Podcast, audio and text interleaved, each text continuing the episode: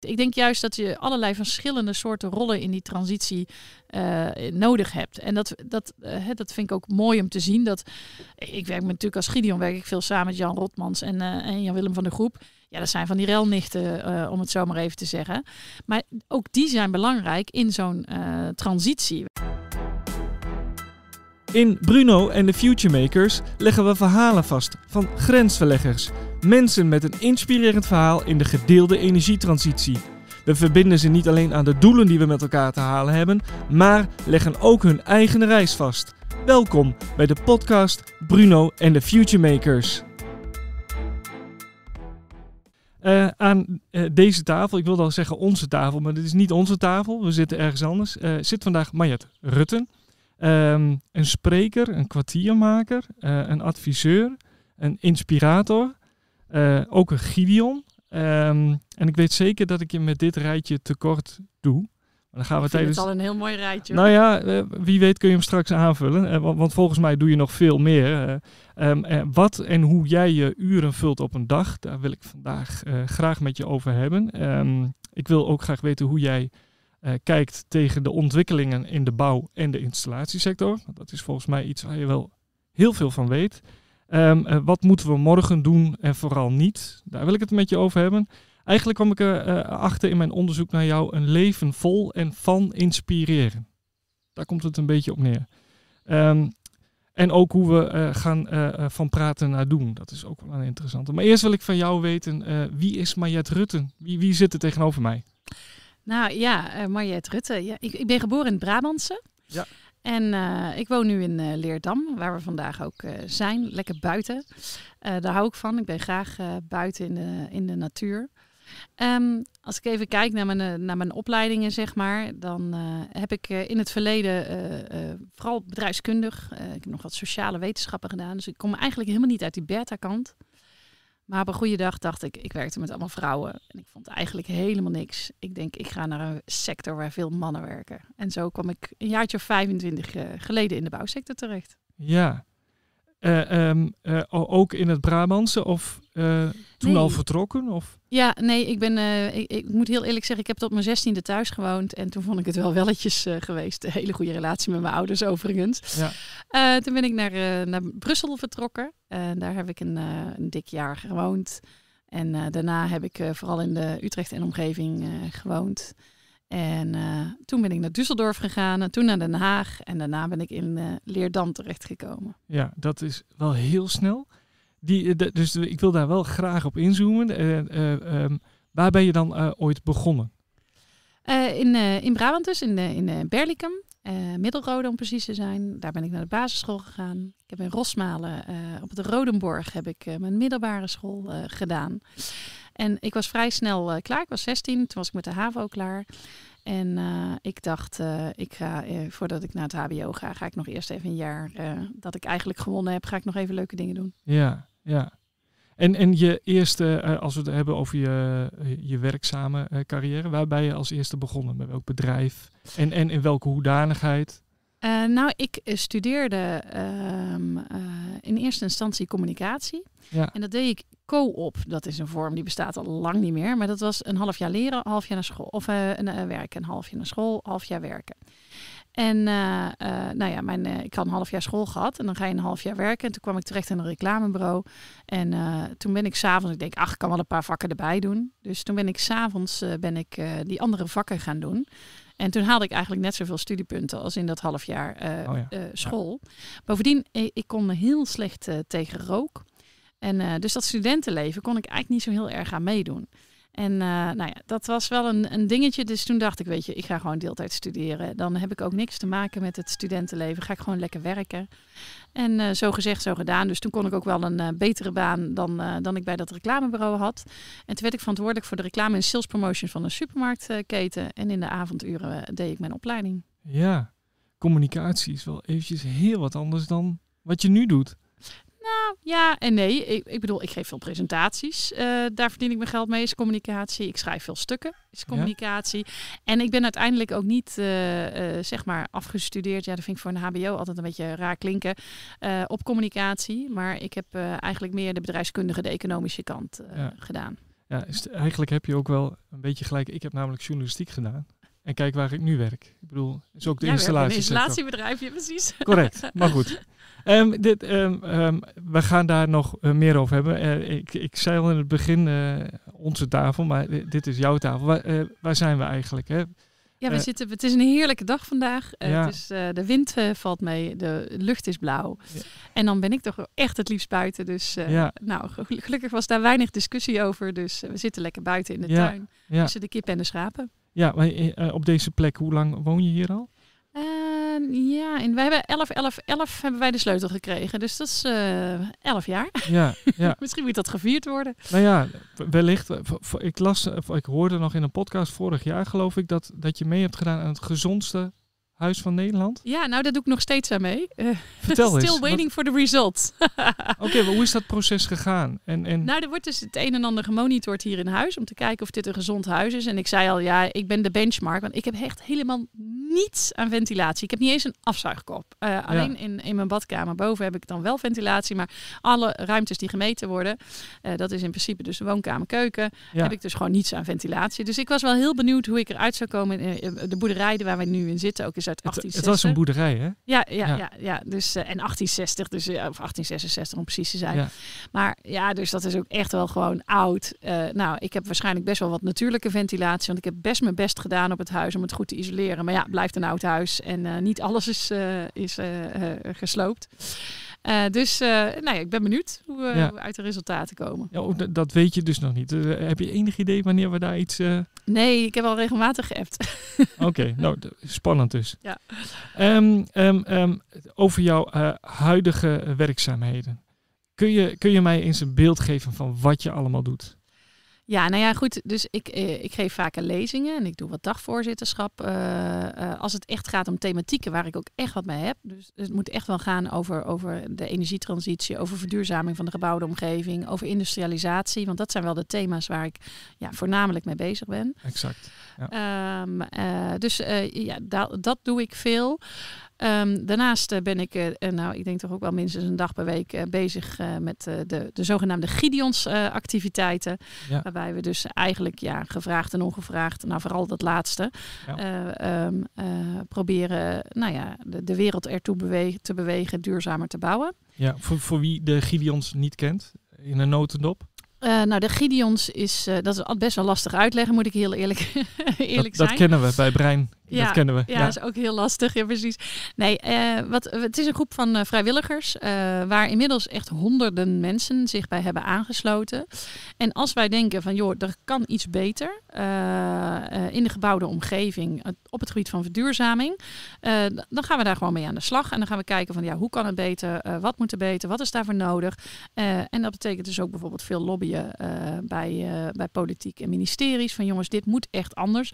En wij proberen vooral een stem te geven aan, aan de natuur. Want ja, ik wil ieder bedrijf heeft met een commercieel belang, die kan bijvoorbeeld een lobby inzetten. Daar kun je geld in investeren.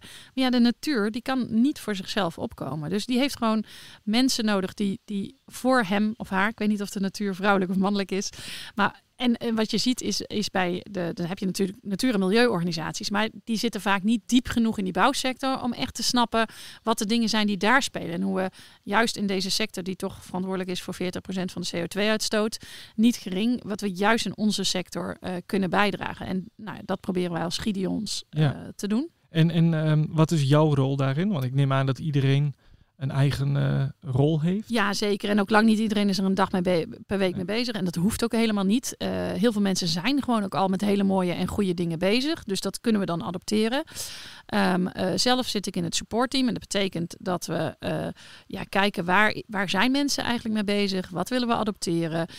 ook de politieke lobby, artikelen, zorgen dat er publicaties komen. Dus dat, Bijvoorbeeld dat soort zaken. Ja, en, en is dan de, de kracht van Gideon het juist ongevraagd te doen?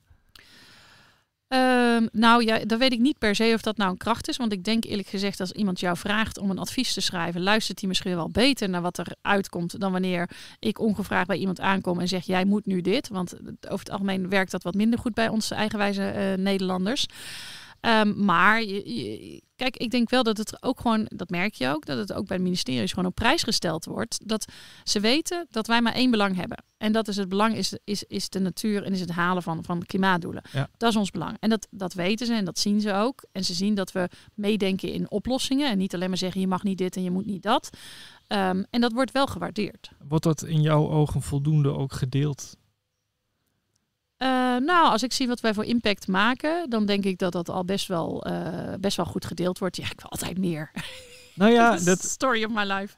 Nou ja, ik, ik ja, bruggetje naar de volgende vraag. Want ik, het, als het dan toch gaat om inspireren, hè, vanuit jouw uh, rol vooral, dan, dan kan ik me voorstellen dat het best moeilijk is dat het niet zo snel gaat. Ja, ja en nee. Tuurlijk wil ik graag dat het snel gaat. En ik vind nu, uh, ik, op dit moment liggen er ook wel echt een aantal thema's waar ik echt wel de urgentie zeg maar, in mijn buik van uh, voel. Hè? Bijvoorbeeld uh, de komende winter, hoe dat gaat lopen. met, met thema's als tekort aan energie, energiearmoede en ga zo maar door. Ja, dat zijn wel thema's waar ik echt buikpijn van krijg. Uh, ik reken uh, één keer per jaar hoe zit het eigenlijk met ons uh, CO2-budget en wat als we doorgaan zoals we nu doen, hoe staat het er dan voor? Nou, daar als ik dat uitreken, dan kan ik ook wel echt buikpijn hebben, want dat gaat echt niet over tien jaar. Dat zit hem echt in een paar jaar tijd. Nou ja, afhankelijk van hoe je het rekent en welke cijfers je gebruikt, zit je tussen de drie en de zeven jaar. Ja, daar, daar kan ik ook wel eens een beetje verdrietig over worden. Maar als ik gewoon kijk naar de ontwikkelingen in de bouwsector, dan vind ik wel dat er iets gebeurt. We staan echt niet stil met z'n allen. En, en dat vind ik dan toch ook wel weer hoopgevend. En mag het sneller? Ja. ja. Wat, is de, wat is bij jou de natuurlijke reactie als je daar buikpijn van krijgt? Wat, wat, wat wil je dan doen? Oplossen.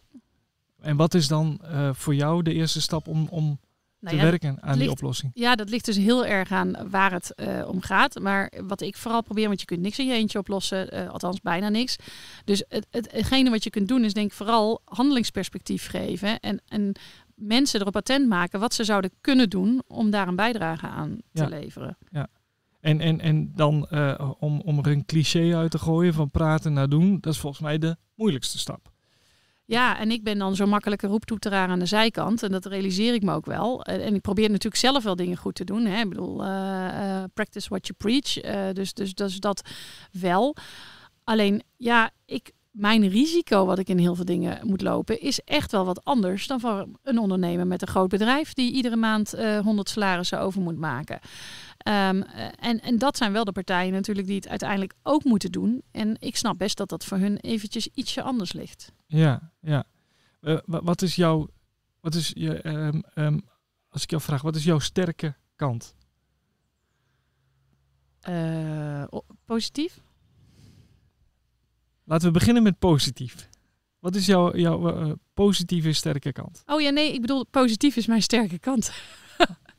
ik, dacht, ik. dacht dat je vanuit een negatieve, uh, vanuit een negatief oogpunt ook nog. Uh, oh, nee, nee, nee, nee. Dat is ook een mooie. Ja, nee, ik, volgens mij, ik ben niet zo negatief ingesteld. Dus, ja, maar met positivisme ga je niet heel snel van praten naar doen, denk ik. Dan ben je vooral veel aan het praten. Nou ja, van de andere kant, ik denk eerlijk gezegd, als je uh, in kansen denkt en oplossingen denkt. Uh, we zitten uh, de week dat we deze opnemen. Ik weet niet of dat ook is op de week dat het uitgezonden wordt, maar misschien zijn we er voorlopig niet vanaf. met een week met boeren die toch niet ernstig blij zijn met alle ontwikkelingen. Ja. Als iedereen positief ingesteld is en ja. je kijkt van ja, maar wat kunnen we dan doen? En hoe kunnen we dit met elkaar oplossen? Ik denk dat je daar meer mee bereikt dan met z'n allen je hak in het zand steken en zeggen: uh, het maakt me niet uit wat de verandering is, wie vindt dat die nodig is, waarom die nodig is, maar ik doe niet mee. Ja. Dus volgens mij is, zou een beetje meer positivisme in de, de wereld helemaal zo uh, dat, kwaad dat, kunnen. Dat, dat deel ik hoor. Dus eh, laten we het dan vooral over het positieve hebben. En, uh, en, en vanuit de Gideon, zou je eens een aantal. wat, wat heb je met de Gideons al kunnen bereiken? Oh, dat vind ik altijd heel lastig als mensen dat vragen. Want ik ben alleen maar bezig met morgen. Ja. en nooit zo met gisteren. Maar goed, er zijn verschillende moties in de Kamer uh, ingediend. Uh, waar Gideon uh, op een of andere wijze een bijdrage aan heeft geleverd. ook zaken die dus ook daadwerkelijk hun weg terugvinden in de stukken die door de overheid worden geschreven. Uh, projecten die worden opgestart. Bijvoorbeeld, hè, hoe kunnen we bijvoorbeeld uh, construction stored carbon, uh, ja. willen we dat meenemen, ja of nee? onder welke hoedanigheid, hoe passen we dat dan in? Um, sowieso uh, meer aandacht voor biobased verhoud. Ja. Uh, herziening van het stelsel van MPG en MKI. Ja, dat zijn wel thema's waar we hard aan hebben gewerkt de afgelopen tijd. Die hebben vooral gelegen op het gebied van de materialentransitie. Uh, um, en waar we echt ook wel de komende tijd, denk ik, meer naar gaan kijken, is ook de energietransitie en ook vooral de sociale transitie. Want daar valt alles, of staat alles mee. Ja. Ligt die eens toe vanuit jouw perspectief? Ja, kijk, uiteindelijk, we gaven het net al aan, um, als je wil, dan kan er wel wat. Alleen dat moet dus betekenen dat mensen willen. En dat mensen dan ook handelingsperspectief hebben en durven. Maar ja, niet iedereen wil nog. Kijk, er zijn eh, als ik enthousiast ben, dan ben ik enthousiast omdat ik vooral de koplopers zie. En die zijn er steeds meer en die doen ook steeds gavere dingen. Maar er is ook gewoon wel een hele uh, groep uh, aan peloton die echt wel aan moet sluiten. Want die bepaalt uiteindelijk het succes. Ja, dat is heel onaardig, maar de koplopers die, die zijn heel essentieel. Maar het succes wordt bepaald door het peloton. Een heel bekend filmpje van iemand die gaat dansen op een berg. Ja. En dan danst er niemand mee. Ja, die ken ik. Ja. ja. en zodra er eentje mee gaat dansen, zie je dat in één keer iedereen mee gaat dansen. Dus zolang er nog één dans, denkt iedereen, ach ja, dat is die meloot die aan het dansen is. Zie jij jezelf als die meloot? Die in zijn eentje aan het dansen is? Oh, dat is een leuk, heb ik nooit over nagedacht. Vind ik helemaal prima die rol. Vroeger, toen ik op de middelbare school zat, toen uh, uh, was ik altijd PA. Nou, en van alle bandjes ongeveer in de hele buurt die wel eens optraden. En dat was omdat ik altijd als eerste ging dansen. Dus ze wilde mij dan gewoon graag mee. En dan zei ze van, yes, geluidsvrouw. En dan... en dan Om te testen. ja, nou, dat maakte, ik, ik, moest gewoon binnen met die band op schoolfeestjes of wat dan ook, waar je anders niet naar binnen mocht. En ik ging altijd in mijn eentje als eerste dansen. in ja. helemaal niets. Ja, dan, dan je maakt dan die vergelijking, maar in feite heb je het over jezelf. Ja, dat was me alleen niet van bewust. Ja, ja, maar, ja, maar dat is het vaak, hè? Als je op een gegeven moment onbewust uh, die, die transitie maakt, dan ben je er toch? Uh, ja, misschien wel. Ik weet niet of het me uitmaakt of het bewust of onbewust uh, is of dat gebeurt. Ik denk dat er ook echt wel mensen heel erg over nadenken van ja, maar nu gaan we het gewoon doen en daar ja. echt over. Dat is ook prima. Ja, en, en, je had het net over, ik weet niet of dat het peloton is, maar er zijn dus nog mensen die het nog niet willen. Maar, maar waarom zouden die het niet durven? Of niet durven? Waarom durven ze niet? Waar, waar zit hem dat in? Nou, het is echt wel lastig om het bekende los te laten. En je weet wat je hebt, maar je weet niet wat je krijgt. Ja. En we gaan even een uh, klein... Even een belletje. Uh, ja, want uh, ik heb een kind die belt.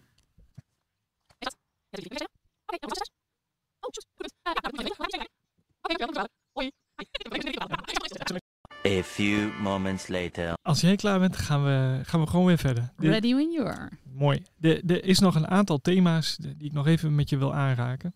We eindigden net uh, eigenlijk een beetje als het gaat om sociale innovatie. Dus daar wil ik wel even iets uh, dieper op ingaan. Want als ik dan bijvoorbeeld stel, uh, sociale innovatie is misschien wel het meest belangrijke in de transitie. Eens. Ja, maar, maar op wat voor manier moeten we dat dan vorm gaan geven? En, en hoe? Nou ja, dat vind ik dus zelf ook een hele erg lastige. Ja. Uh, want uiteindelijk verander je alleen als, uh, als je dat zelf bedacht hebt. Alleen kan de omgeving wel zorgen dat je op een gegeven moment eieren voor je geld kiest. En dus bedenkt van misschien moet ik nu eens gaan veranderen. Ja. Maar verandering kun je nooit opleggen. Ik kan niet tegen jou zeggen, Stefan, morgen moet je X gaan denken. Dan mag je niet meer ei denken. Ja, zo werkt de wereld niet. Nee, en niet iedereen is volgens mij ook zover om te zeggen van, nou weet je, uh, jij moet zo gaan denken, maar weet je, je hebt het zelf bedacht. Ja, nou ja, precies. Dat is natuurlijk altijd de truc. Hè? Dus uh, ja. zo, zo, zo voed ik ook mijn kinderen op. Als ik zeg, je mag nu X niet doen, nou dan weet ik wel wat ik te, te doen krijg. En dan vraag ik gewoon, wat wil je, X of Y? Nou ja, en dan uh, weet ik van tevoren wel dat ze X kiezen, want Y vinden ja. ze niks. Oh, dus die, die moet ik even onthouden. Dat is een goeie. ja, uh, oude truc. Ja, nou is misschien wel een, een, een, een leuk bruggetje naar de vraag die ik nog aan je wilde stellen. Want ik las ergens dat jij, je zei dat je heel graag prikkelt. Ja. Maar hoe ga je dan te werk? Is dit zo'n manier waar... Nou, dat werkt wellicht is, bij je kinderen. Ja, maar, precies. Nee, ja. dit, is niet, dit is niet iets wat ik... Uh, uh, hoe prikkel business, jij?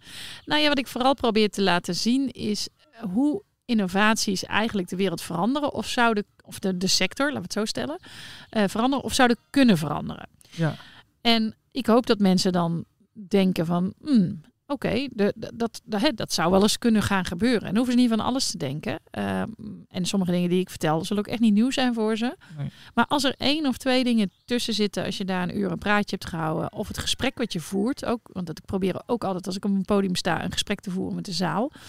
Ja, ik hoop dat er dan toch ergens iets in zit waarvan iemand zegt van oké, okay, hmm, Ja. Misschien kan of moet ik daar wat mee. Nou, als je dat in een uur bewerkstelligd hebt, dan zeg ik uh, dat, dat veel meer kun je niet doen. Nee, dus, dus kom je toch weer terug op dat inspireren, denk ik. Ja. Um, uh, de, sociale innovatie hebben we het dan over gehad. De, de, um, de industrialisering in de energietransitie. Ja. Je, begint, je begint gelijk. Uh... ja, het is wel mijn ding. Hoe, hoezo is dat jouw ding? Nou ja, ik probeer toch echt al wel, wel ik denk een jaar of twaalf, uh, die industrialisatie in de, in de bouw aan te jagen. Omdat ik gewoon geloof dat daar echt nog heel veel winst uh, te halen is.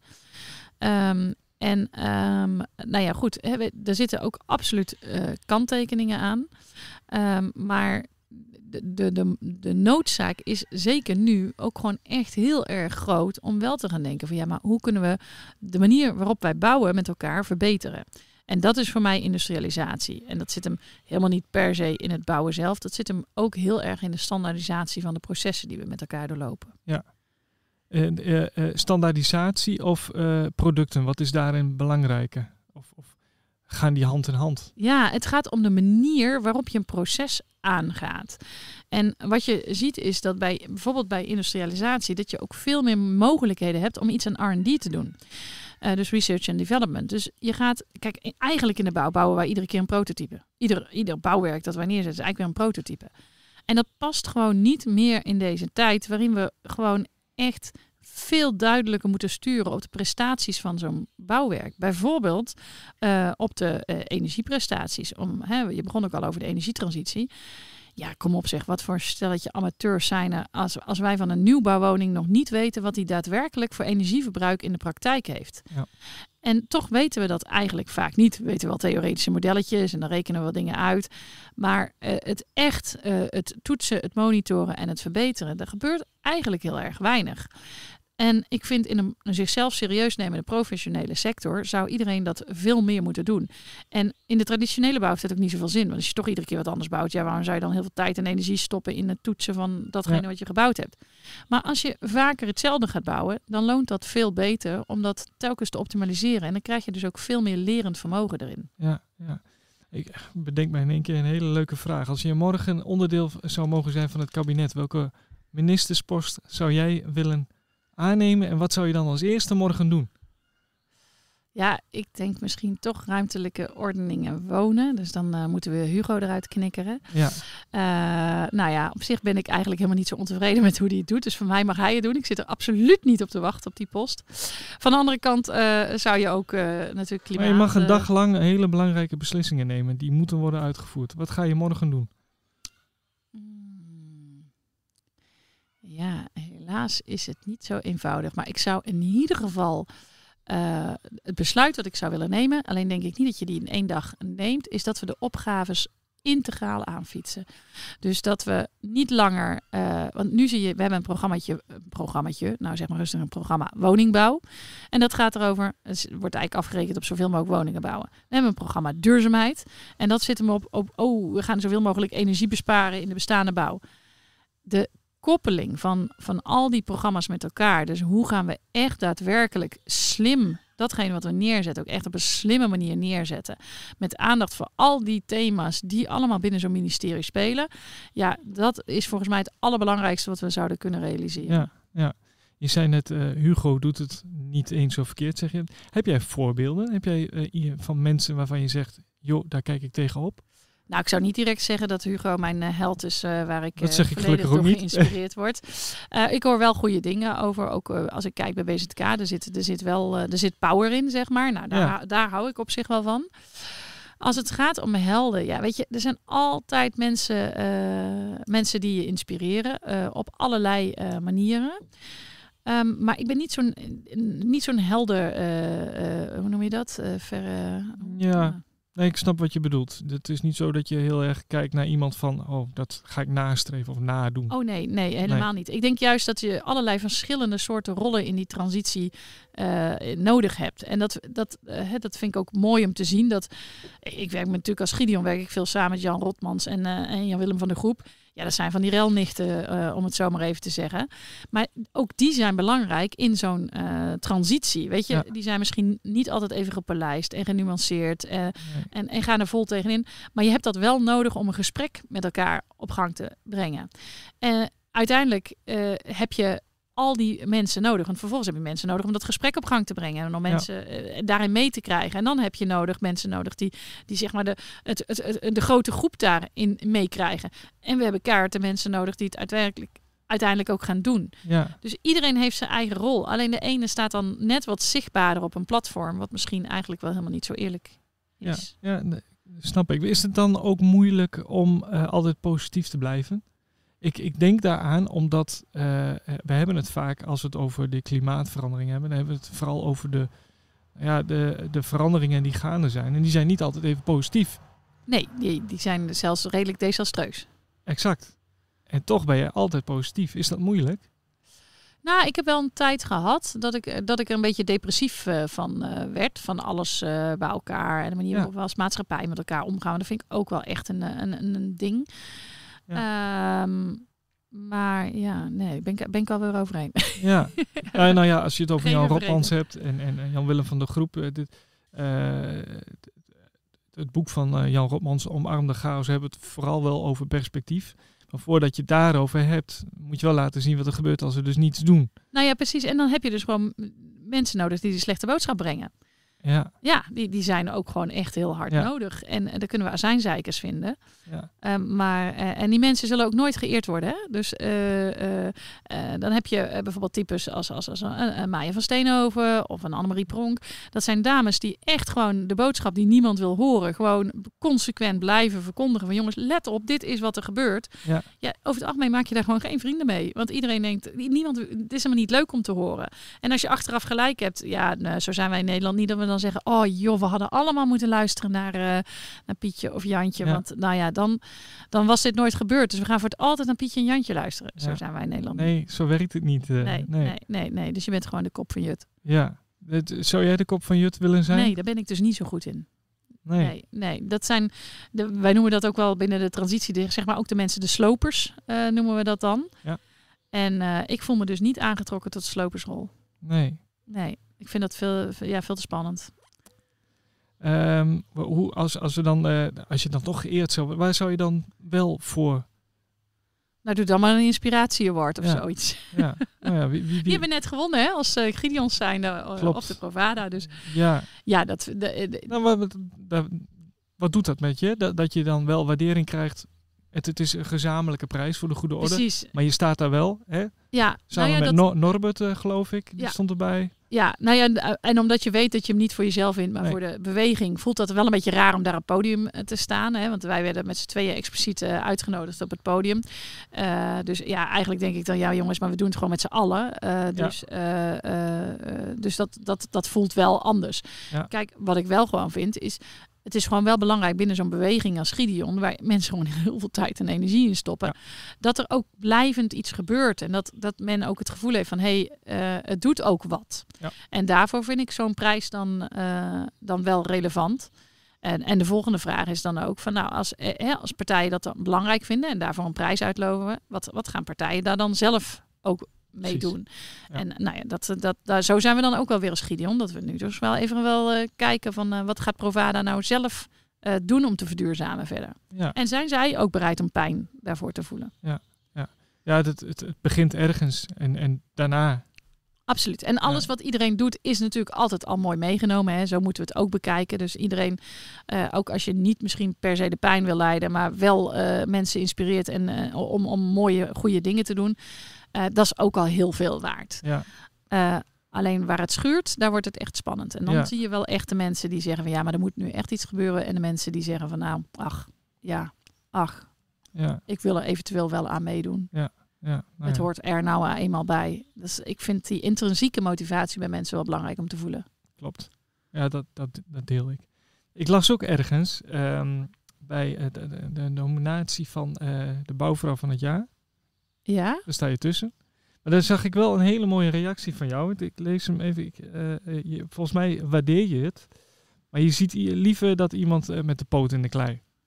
Ja, dat, dat gaat over een bouwvrouw van het jaar. Een bouwvrouw van het jaar. Ja, en wat natuurlijk heel vaak gebeurt met al dat soort prijzen, is dat die gewonnen worden door dames die al heel erg in de picture staan. Ja, of op kantoor werkzaam zijn. Ja. Uh, even heel kort door de bocht. Ja, als directeur of als ontwikkelaar ja. of wat dan ook. Terwijl ik denk, voor de cultuurverandering die wij nodig hebben en het idee waarom wij een specifiek een prijs voor een vrouw willen hebben, hè, want dat zit natuurlijk ergens in, dat heeft gewoon ook heel veel te maken met uh, die bouwplaats en het, uh, uh, hoe wij met elkaar omgaan op die bouwplaats of in de projecten.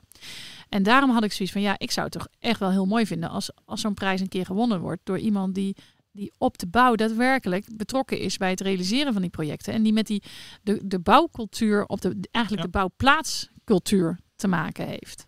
Correct. En dan moet het niet uitmaken of je vrouw bent of man. Nee, maar dat, ja, dat, we hebben natuurlijk net een televisieserie gehad. Hè, geloof, uh, hoe heet het ook weer? Iets met brouwvrouwen ook. Ja. Ja, dat, uh, uh, dat laat ook wel zien dat er echt ook nog wel dingen te winnen zijn in ja. de sector. Ja, klopt. Ondertussen moet je heel even een handtekening zetten volgens mij. Uh, ja, dit is standaard bij ons, want ik ben natuurlijk altijd thuis aan het werk. Ja. En dan krijg ik een briefje onder mijn neus en er zitten dan vinkhokjes op. En dan moet ik aankruisen of ik het ja, ja of ja, nee. Of nee. Ik, ja. ja. Nuance kan het niet. En als het, het mooie is nu, is het antwoord nee, kijk op de achterkant. onder. Dus ik ben eigenlijk wel benieuwd wat er op de achterkant staat. uh, ja, ik heb slecht nieuws voor hem. Hij probeert dit altijd als ik in Oh, vergadering geweldig. zit. Maar helaas is het nee en nee, schat.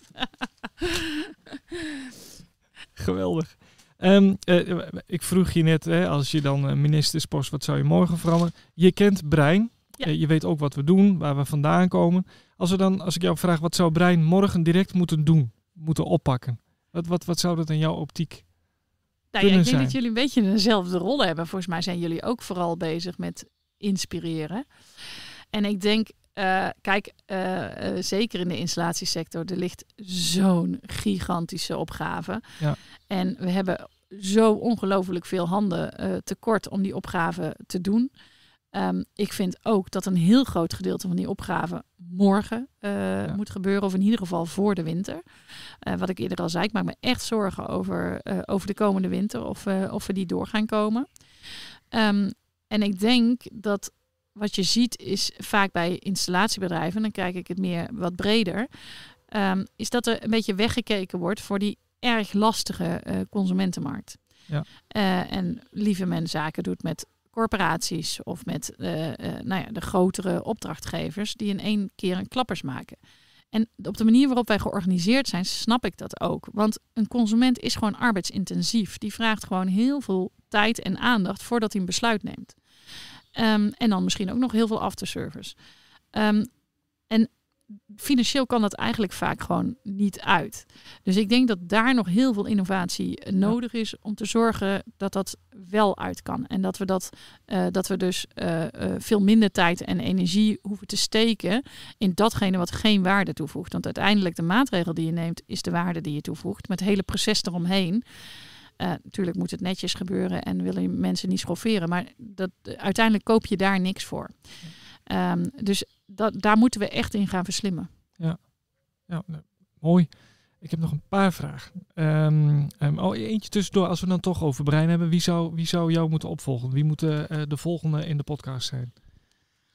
Zou ik, wel, uh, zou ik leuk vinden als jij iemand weet waarvan je zegt, nodig die eens uit. Uh, en wat wil je het liefste bereiken? Wat, uh, wat, welke inspiratie wil je geven aan de wereld?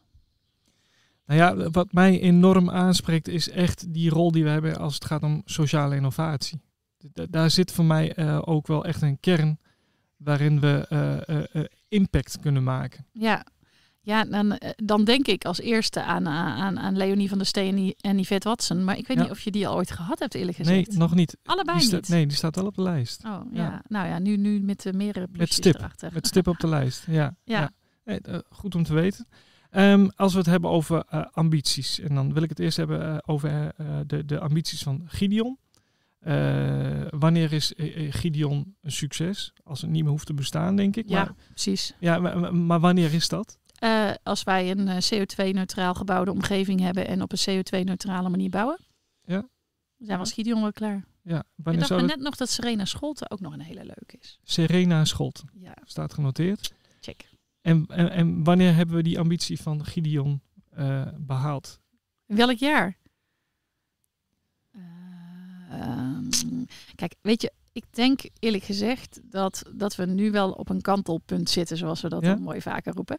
Ja. Ehm, eh, dus ik, eerlijk gezegd ben ik best wel hoopvol dat we in 2030 misschien wel verder zijn Ja. dan, eh, dan we nu in de doelstelling hebben. Die doelstelling slaat ook helemaal nergens op. Ik bedoel, 50% reductie in 2030. Nou ja, Ja. we hebben al uitgerekend, als we drie tot zeven jaar hetzelfde doen wat we nu doen, dan zijn we lang door ons budget heen. Dus hoezo 50% reductie in 2030? Dat is helemaal geen doel. En Ja. ik denk dat meer en meer mensen zich dat aan het realiseren zijn.